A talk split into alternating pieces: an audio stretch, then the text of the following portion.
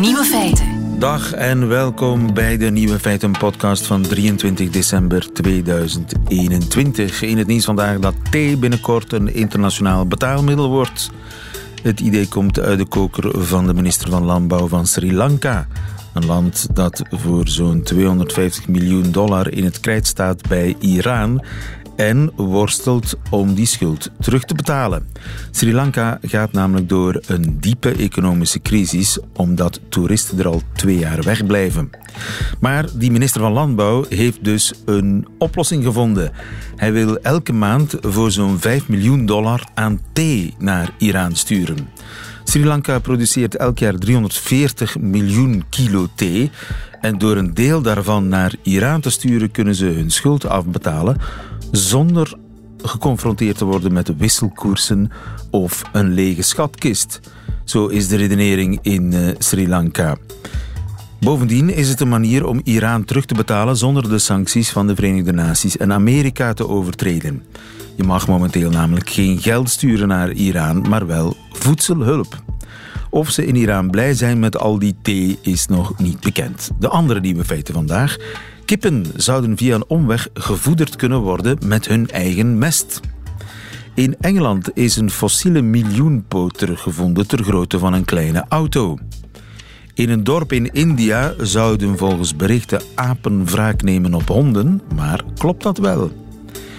En Rika Ponet beantwoordt de vraag van een verliefde vijftiger die zich zorgen maakt over haar bakvisgedrag. De nieuwe feiten van Hugo Matthijssen die hoort u in zijn middagjournaal. Veel plezier. Radio 1. Nieuwe feiten. Lieven van den Houten. Je zou via een omweg je kippen hun eigen mest kunnen laten eten. Dat is, voor zover ik het begrepen heb, de stelling van dierenarts Karl Victor de Weer. Goedemiddag, Karl Victor. Goedemiddag. En gefeliciteerd, want jij hebt de EOS-prijs gewonnen voor de beste scriptie in de harde wetenschappen. Ja, dat klopt. Dank u wel. Dank u wel. Je bent eh, pas afgestudeerd als dierenarts. En het gaat om de larven van de soldatenvlieg. Die kunnen iets. Ja, van de zwarte soldatenvlieg. Uh, die kunnen zeer goed groeien op uh, organisch materiaal dat afgestorven organisch materiaal, zoals plantenresten of uh, mest van kippen of varkens of koeien. Dus, uh... En je zou dus die larven kunnen kweken op de kippenmest? Ja, ja, ja. Dus uh, het is de bedoeling dat eens de kippen volgroeid zijn en naar het slachthuis gegaan zijn, dat de achter, achtergebleven mest die nog in de kippenstal blijft, dat we die mixen en bevochtigen en daar dan de larven op laten groeien. En dan uh, nog één week de larven laten groeien. En dan de larven oogsten. Dus de kippenkwekerij wordt gedurende een week een larvenkwekerij? Ja, ja mestverwerking met larven als uh, eindproduct. En die mest die verdwijnt dan? Eten ze die dat allemaal op, die, die zwarte soldatenvlieglarven? Uh, ja, dus uh, het zit zo... Ehm, op droge stofbasis wordt de mest toch wel tot 50 à 60 procent gereduceerd en ook op verse stofbasis. Dus, ja, dus een flink deel van de mest is dan ook al opgegeten. Dat is dan ook een, een voordeel eigenlijk. Die hoef je dan niet op te ruimen. Het lijkt me wel niet zo simpel. Om, om, moet je dat dan zeven? Om die larven eruit te halen? Ja, dus uh, daarbij is het dan, dat klopt, het is, uh, het is inderdaad, uh, de larven worden gezeefd bij het oosten. Maar het is dan wel belangrijk dat ehm, voordat we de larven aan de mest toevoegen, dat de mest wel goed fijn gemixt wordt. Dat het uh, een klein korrelgrootte heeft, laat het zo zeggen. En uh, dat dan alles groter uh, allee, dat de larven dan weggezeefd kunnen worden en alles kleiner dan de larven uh, blijft achter. Aha, dus je moet die, die mest eigenlijk eerst prepareren, als het ja, ware. Ja, ja. Dus ja, daar komt klopt. wel wat extra werk bij kijken. Ja, en ook tijd die ja, de kippenboer dan niet kan besteden aan de nieuwe generatie kippen die hij moet kweken. Ja. Dat is wel het nadeel.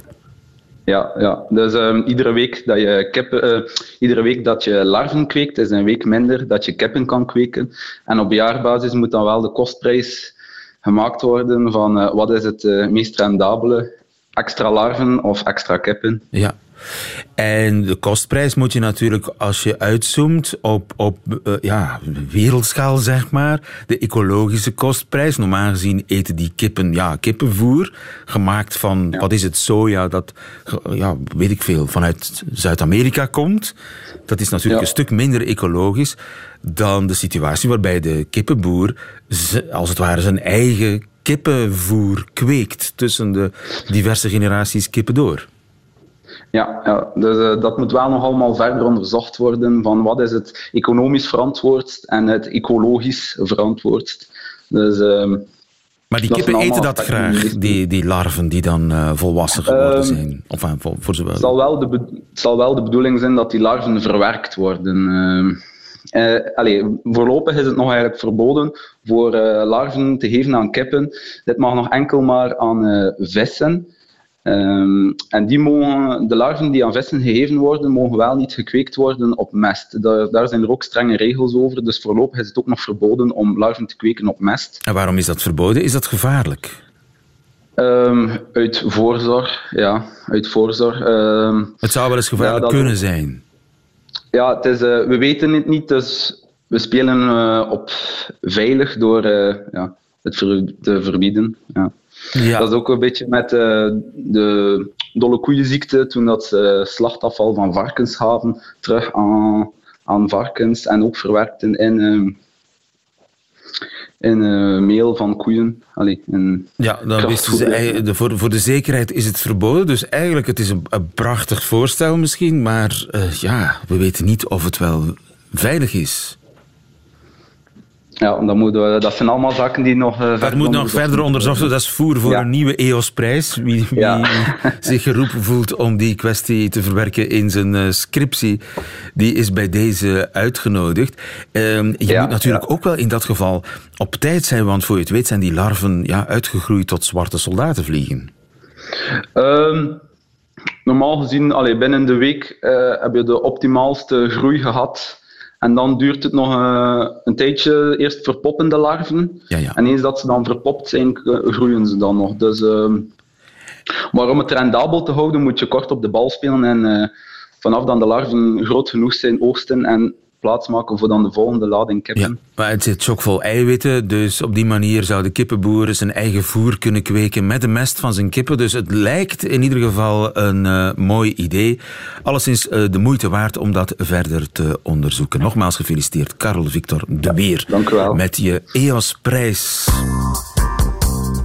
Vraag het aan Rika.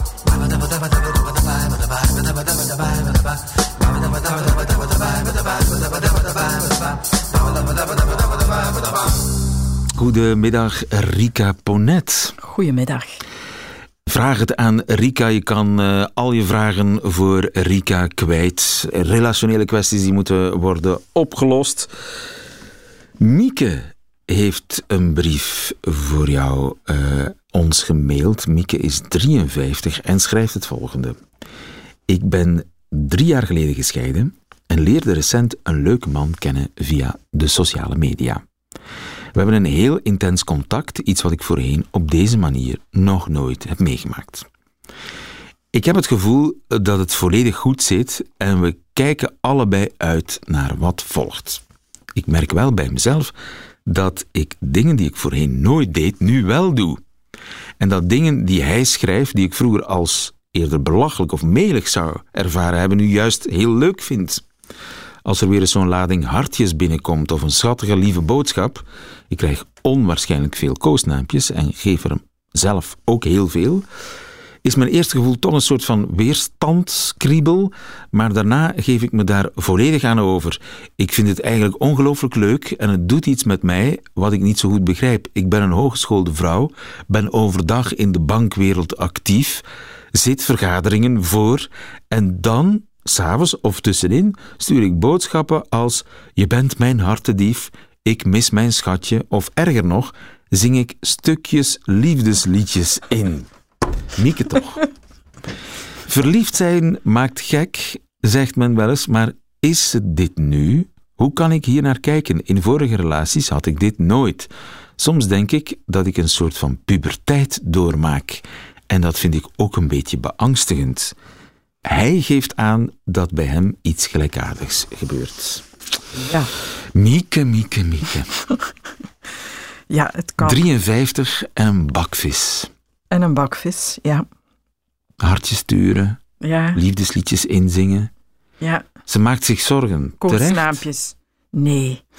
Ehm, ik denk dat ik eigenlijk heel goed nieuws kan brengen. We weten dat als ehm, koppels in een startende relatie, maar ook in een duurzame relatie, eh, dat soort van babytaal, die koosnaampjes, want eigenlijk is het vaak bijna een vorm van een babytaal die je hanteert.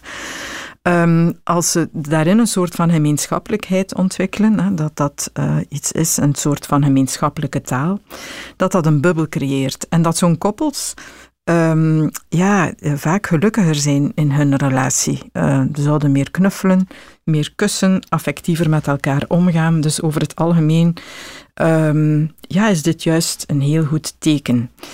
Eh, ik begrijp natuurlijk wel haar weerstand. als je twee Het is soorten 53. ja, en als je twee mensen in dat soort van taal bezig hoort, het is een beetje ergerlijk en enerverend. Ik zie haar zitten in haar mantelpakje in de, Ja. in de vergaderzaal bij de bank. En dan tussendoor. Ja, ik vermoed dat het ook haar weerstand is. Het feit dat ze zichzelf niet op die manier kent, het een beetje een moeilijk deel is om voor zichzelf geïntegreerd te krijgen. Ehm, altijd waarschijnlijk eh, voor de rest van de tijd een soort van leven geleid heeft vanuit het hoofd, competent, rationeel. En nu ineens ja, zijn daar ehm, allemaal die heel emotionele eh, dingen ehm, ja, die haar het gevoel geven, ben ik, ja, maak ik mezelf niet belachelijk. Hè? Want ik denk dat het vooral dat is hè, eh, waar ze zich vragen rond stelt. Ja, en het feit dat ze het nooit eerder zo gedaan heeft. Ja. Nu, ik zie vaak als mensen zich in volwassen relaties niet op dat niveau durven begeven of niet connecteren op dat niveau, dat dat is omdat er ergens een gevoel van kwetsbaarheid is, een angst om zich belachelijk te maken, afgewezen te worden door de anderen, niet voor ernstig of intelligent door te gaan. En als men zich heel veilig voelt, dat men dat net wel doet. Dus in die zin vind ik dit een heel positief teken. Ik denk, ik vermoed, misschien voor het eerst in haar leven, dat ze in staat is om naar die, ja, wat wij dan noemen, ehm, die meer symbiotische, eh, heel afgestemde vorm van connecteren, vanuit die heel basale behoefte om dicht bij iemand te komen, dat ze daar voor het eerst als volwassen vrouw naartoe durft te gaan. Ze laat haar muren zakken. Ze laat haar muren zakken.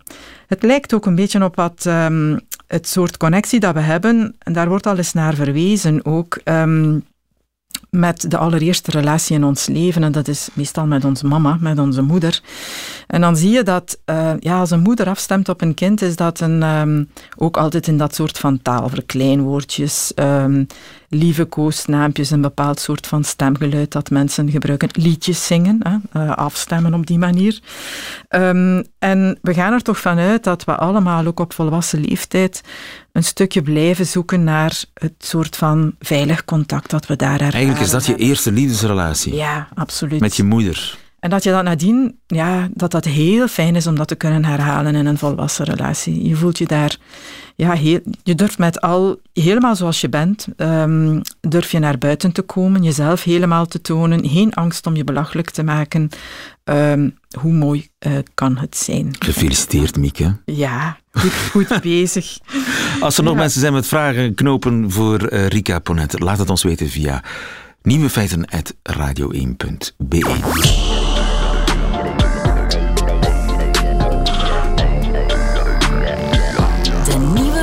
feitenchecker.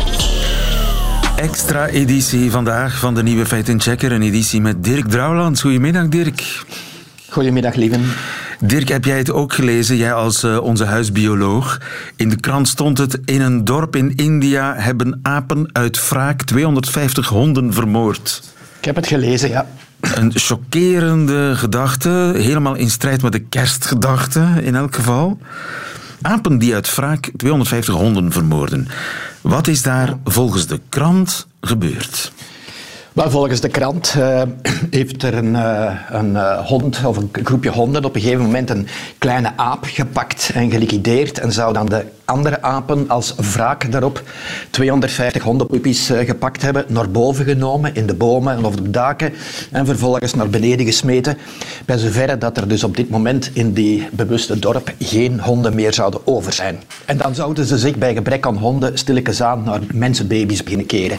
Dat is het verhaal zoals het uit de kranten is gekomen. Ja, het, het lijkt een scenario voor een hele foute musical.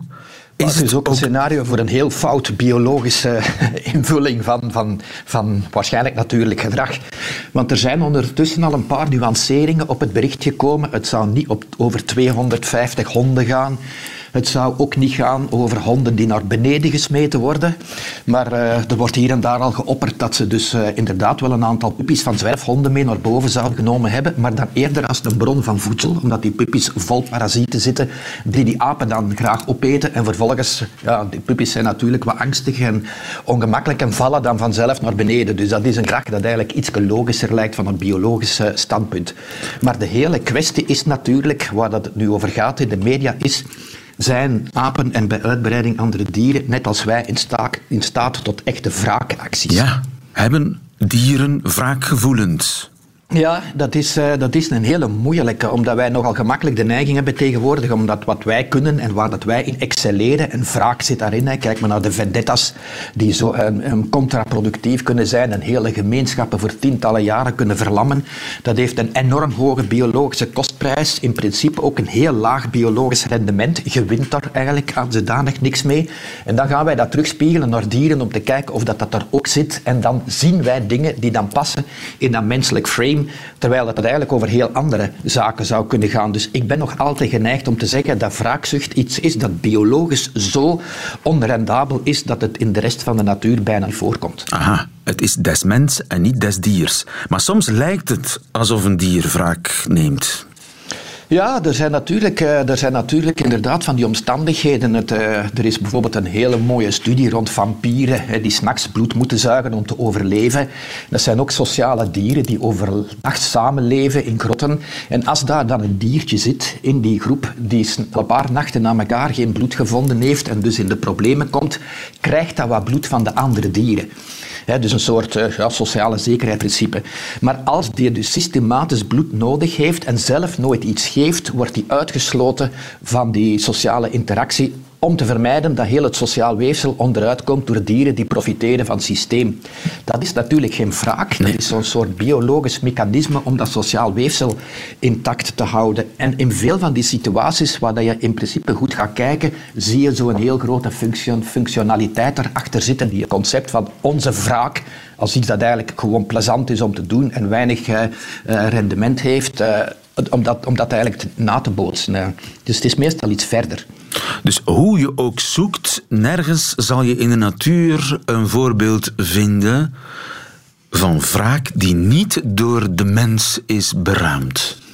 Ja, gelijk, uh, wat, dat, wat dat je dus dikwijls bijvoorbeeld ook ziet, en dat, dat, dat, dat kun je bij ons ook gemakkelijk zien, hè, kraaien die buizerds aanvallen, hè, die buizerds ambeteren.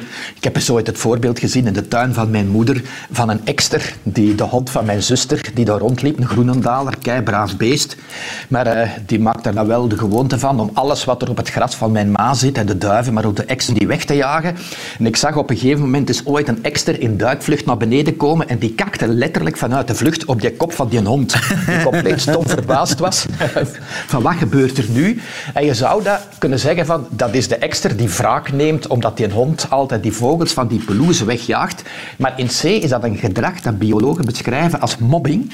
Dat is iets dat kraaiachtigen heel regelmatig doen. Mobbing? Potentieel ja, mobbing. Ja. Dat is een potentieel gevaar, zoals een hond of een buizerd, zo ambeteren dat je op zijn ongemak gaat zijn en, en, en misschien minder vaak geneigd gaat zijn om nog een, uh, nog een uh, gedrag te vertonen ja. dat ambetant is voor die vogels. Het is eigenlijk dus klassieke soort... oorlogsvoering. Dat heeft niks met uh, oog om oog, tand om tand te maken. Dat, dat is gewoon ja, bescherming van je eigen terrein.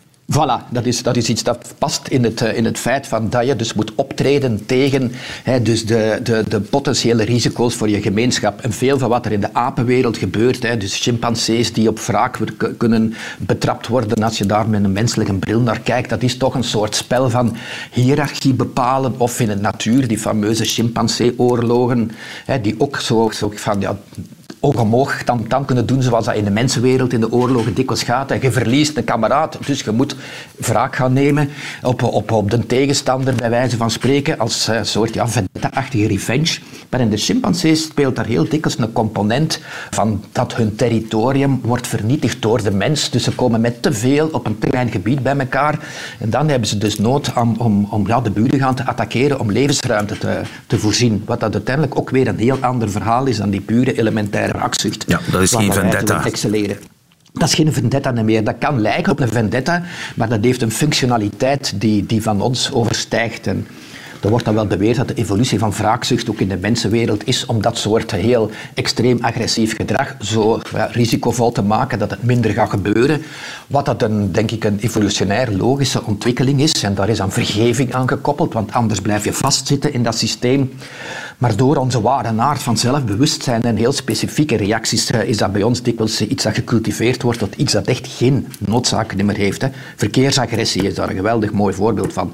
Compleet uit een bol gaan, over de rode gaan voor iets dat in C een klein belachelijk incidentje is waar dat je dan niks uit haalt. Zelfs in tegendeel. Ja. Maar toch, sommige mensen vinden dat nodig om dat te doen. En dat is dan des mensens en niet des andere dierens. Dankjewel, Dirk Drouwlands. Goedemiddag. Goedemiddag, lieven. Radio 1. Nieuwe feiten.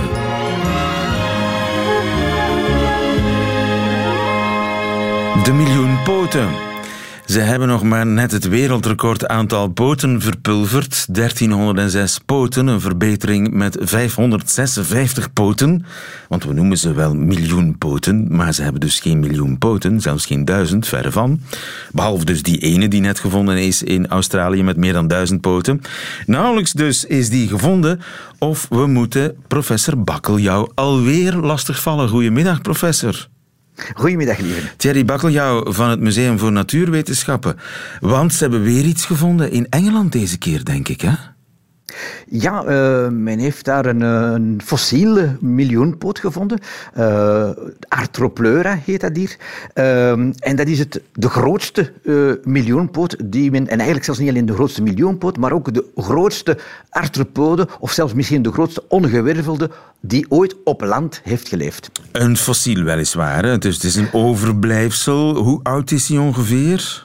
Wel, het fossiel is een dikke 300, pak een 320 miljoen jaar oud, meer. Uh, dus dat is natuurlijk zeer oud. Ik moet er ook direct bij zeggen, het is niet het volledige dier. Hè. Het, het, belangrijke aan deze vondst, dat is het, het grootste fragment dat men al heeft gevonden tot nog toe van die miljoenpoot. Ja, maar ze kunnen dan extrapoleren en ze kunnen zich een idee vormen van hoe dat dier eruit zag. En kennelijk is dat heel groot. Kan je mij een idee geven hoe groot die miljoenpoot moet zijn ja. geweest? Ja, men, men, schat dat die ongeveer 2,6 tot 2,7 meter uh, groot zou worden. Wat dus wel enorm groot is, want dus de uh, huidige miljoenpoten, de grootste die we nu kennen, die worden tot ongeveer tot 30 tot 35 centimeter lang. Dus bijna 3 meter lang. En hoe breed ja. is zo'n ding dan? Wel, die kon tot een halve meter breed worden. En zijn gewicht ging tot, waarschijnlijk tot iets tot tussen 50 à 60 kilogram. Een miljoenpoot van 60 kilogram. Ter grootte van ja, een kleine auto. De lengte van een kleine auto, zeg maar. En dan zo'n een, een, ja, een dik ding eigenlijk. 50 centimeter is niet niks, hè? Nee, wel, het is dus natuurlijk, het was wel afgeplat. Hè? Dus hij was een beetje de, wat men noemt dorsoventraal afgeplat. Dus dat wil zeggen, hij was afgeplat tussen rug en buik. Hè? Uh, dus hij was redelijk breed, maar hij was ook gepanzerd. Hè? Dus zoals ook huidige, de meerdere van de huidige miljoenpoten hebben een hard chitineachtig lichaamspanzer. En ook die, die arthropleuren was ook een gepanzerd ding. Je kan het dus bijna een beetje vergelijken met een soort, ja, een, een, een, ja, een, een tank bij wijze van spreken. Hè? Een, een, kleine tank die, die daar rondkroop. Hè? Ja. Een tank op duizenden pootjes van een drie meter lang en 50 centimeter breed. Je zou het verwachten in een of andere rare B-film, science fiction-achtige horror movie. Maar het heeft dus echt rondgelopen op deze aardkorst. Het heeft dus rondgelopen, ja. ja. Nu, hij, dus de arthropleur had wel wat minder pootjes dan, dan, dan de, de, de miljoenpoot die we onlangs hebben al gevonden met meer dan duizend poten. De, de arthropleur die wordt verondersteld ongeveer een 50, uh, 50 paar pootjes of zo, een vijftigtal pootjes te hebben of ja. zo, dus 50, 60. dus hij was iets bescheidener in zijn aantal ja. poten wel. Nu, uh, we moeten ons de wereld dan ook helemaal anders voorstellen. De wereld zag er niet uit zoals vandaag. Absoluut niet. Hè. Dus hij leefde, hè, dus Arthropleura, die leefde uh, in het einde van wat men noemt het carboon, begin van de permperiode. Hè, dus pak, we gaan het voor het een goede dikke 300 miljoen jaar terug. En dat was een periode waarbij dus, uh, ja, de, de evenaar heel, ja, voor een stuk over Europa liep. Hè, als we het de evenaar liep over Europa? Ja, ja, dus dat was eigenlijk een heel andere... Uh, het was hier heel warm. Ja, was hij zeer warm. We leefden een tropisch klimaat. En een heel van de belangrijke, tropisch en vochtig klimaat. Uh, en een van de belangrijke kenmerken toen was dat tegen het einde van het carboon dat de atmosfeer veel meer zuurstof bevatte dan nu. We hadden toen een atmosferische concentratie van ongeveer uh, eh, 30 tot 35 procent aan zuurstof. Terwijl we er nu met 21 procent zitten. Dus er was dus veel meer zuurstof aanwezig uh, in de atmosfeer. En dat maakte dat soort beesten mogelijk? Wel, dat is natuurlijk de grote discussie. Hè. Het is inderdaad zo uh, dat Arthropleuren, onze miljoenpoot, die leefde uh, samen met een aantal andere uh, reuzendieren of reuzeninsecten dan. Hè. Ook een periode waarin een aantal reuzeninsecten onder andere rondvlogen op de aarde. je had daar de zogenaamde de Meganeura, een soort reuzenlibel, die een spanwijdte bereikte van 70 tot 75 centimeter. Dat is eigenlijk gewoon een, ja, een, vogel, bij wijze van spreken. Hè. De, de grootte van een vogel. Grote vogel ehm, zelfs. Een vrij groot. Eh, ja, je moet rekenen, ja, als je dus de vleugels spanwijdte neemt, ja, dat is toch al, dat is toch al, ja, toch al niet mis in feite. Um, een libel maar, van die grootte. Een soort libel, ja. Dus een rover dus ook, hè, een carnivoor. Hm. Ja, dus dat moet een hele bizarre wereld zijn geweest uh, met, waarbij de insecten het eigenlijk voor het zeggen hadden. Niet alleen, maar op land eh, waren het zeker en vaste insecten die een belangrijke uh, ja, rol speelden, zeker als predatoren. Zeg je. Uh, er waren ook een aantal reptielen die toch ook twee tot drie meter lang konden worden, die ook carnivoren waren. Uh, nu, de arthropleur, hè, onze miljoenpoot, was wellicht geen carnivoor, maar een planteneter. Uh, dus natuurlijk, dat wilde zeggen natuurlijk dat die, een planteneter is meestal de prooi van carnivoren, uiteraard. Aha. Het, het, zegt iets natuurlijk over hoe de wereld kan veranderen. Hè. Stel je tel er nog eens 300 miljoen jaar bij. Wie weet welke wezens kruipen dan rond op deze aardkorst? absoluut. Hè. daar kan je heel moeilijk voorspellingen over maken. Hè. We zouden dat graag kunnen. En we fantaseren er natuurlijk uh, heel veel rond. Maar eigenlijk uh, kunnen we dat niet voorspellen. Wat je wel kan zien is dat je door de veranderingen die we zien optreden in het verleden, dat je je natuurlijk voorstellingen zou kunnen maken van wat mogelijke veranderingen zouden kunnen zijn in de toekomst, indien er analoge wijzigingen in het milieu zouden optreden. Ja, en of wij nog bestaan over 300 miljoen jaar, dat is zeer twijfelachtig. Dankjewel, Thierry Bakkeljauw. Goedemiddag. Graag gedaan. Ja. Nieuwe feiten. Ziezo, dat waren ze, de nieuwe feiten van vandaag, 23 december 2021. Alleen nog die van Hugo Matthijssen nu in zijn middagjournaal. Nieuwe feiten. Middagjournaal. Goedemiddag. Jorn V. verscheen vrijdag voor de Raadkamer. Jorn V., dat is de man die op 5 december een vuurpijl in het vak van de Antwerp supporters gooide tijdens de match Beerschot-Antwerp. De zitting ging over de vraag of Jorn nog langer in het gevang moest blijven. Jorn werd bijgestaan door een advocaat, een zekere Xavier. En Xavier zei het volgende: Ik heb het uit de Gazet van Antwerpen. Mijn cliënt heeft uiteraard spijt van wat er gebeurd is. Ik moest daar even over nadenken, vooral over dat. Mijn cliënt heeft uiteraard spijt. Hoe was dat tot uiting gekomen? Waarschijnlijk heeft Xavier vooraf het volgende gevraagd: Jorn, jongen, heb je spijt? Het antwoord was dan: Uiteraard, meester Xavier. Dat uiteraard had Xavier wel kunnen raden, want zijn cliënt zat al twee weken in de bak. Het eten is daar naar verluid niet geweldig en de sfeer schijnt er ook maar zo-zo te zijn. Maar een dubbelcheck kan nooit kwaad en zo wist Xavier met absolute zekerheid dat Jorn dus uiteraard spijt had. En wat dan volgde, het kan niet anders, was de vraag: en van wat heb je spijt, Jorn? Van wat er gebeurd is, meester Xavier. Dus Jorren heeft er spijt van dat er een wedstrijd tussen twee Antwerpse ploegen werd gespeeld, dat het hooliganisme weer in gang gaat, dat er die avond in Château Plankaart over de haalbaarheid van een slotgracht werd gesproken, dat Sinterklaas die avond op pad zou gaan, enzovoort, enzovoort. Want dat was er dus allemaal gebeurd op 5 december en daar had Jorren spijt van. Die vuurpijl was slechts een druppel in een oceaan van gebeurtenissen. Enfin, met dat zinnetje trok meester Xavier dus naar de rechtbank. Edelachtbare, ik vraag de vrijlating van mijn cliënt, want hij heeft uiteraard spijt van wat er is gebeurd. De rechter trapte daarin, maar het parket moest daar eens mee lachen en ging in beroep tegen de vrijlating. Als je vandaag aan Jorn zou vragen: Jorn, heb je spijt? En in welke hoedanigheid en van wat? Dan zou hij waarschijnlijk antwoorden: ten eerste, ja, ik heb spijt. Ten tweede, uiteraard. En ten derde, dat ik geen betere advocaat heb gekozen, met alle respect voor Xavier, want die gast sleurt er van alles bij dat niks met mijn zaak te maken heeft. Eddie Plankaart, Sinterklaas en ga zo maar door. Die man maakt de rechtbank belachelijk. En wie is daar de dupe van? Ik. Ik zit nog altijd vast in de Begijnenstraat. En dat terwijl ik nota bene uiteraard spijt heb van alles wat er is gebeurd. Ja, zo gaat het altijd. Die goed betaalde advocaten doen maar. En de kleine man is daar keer op keer de dupe van. Dank u wel.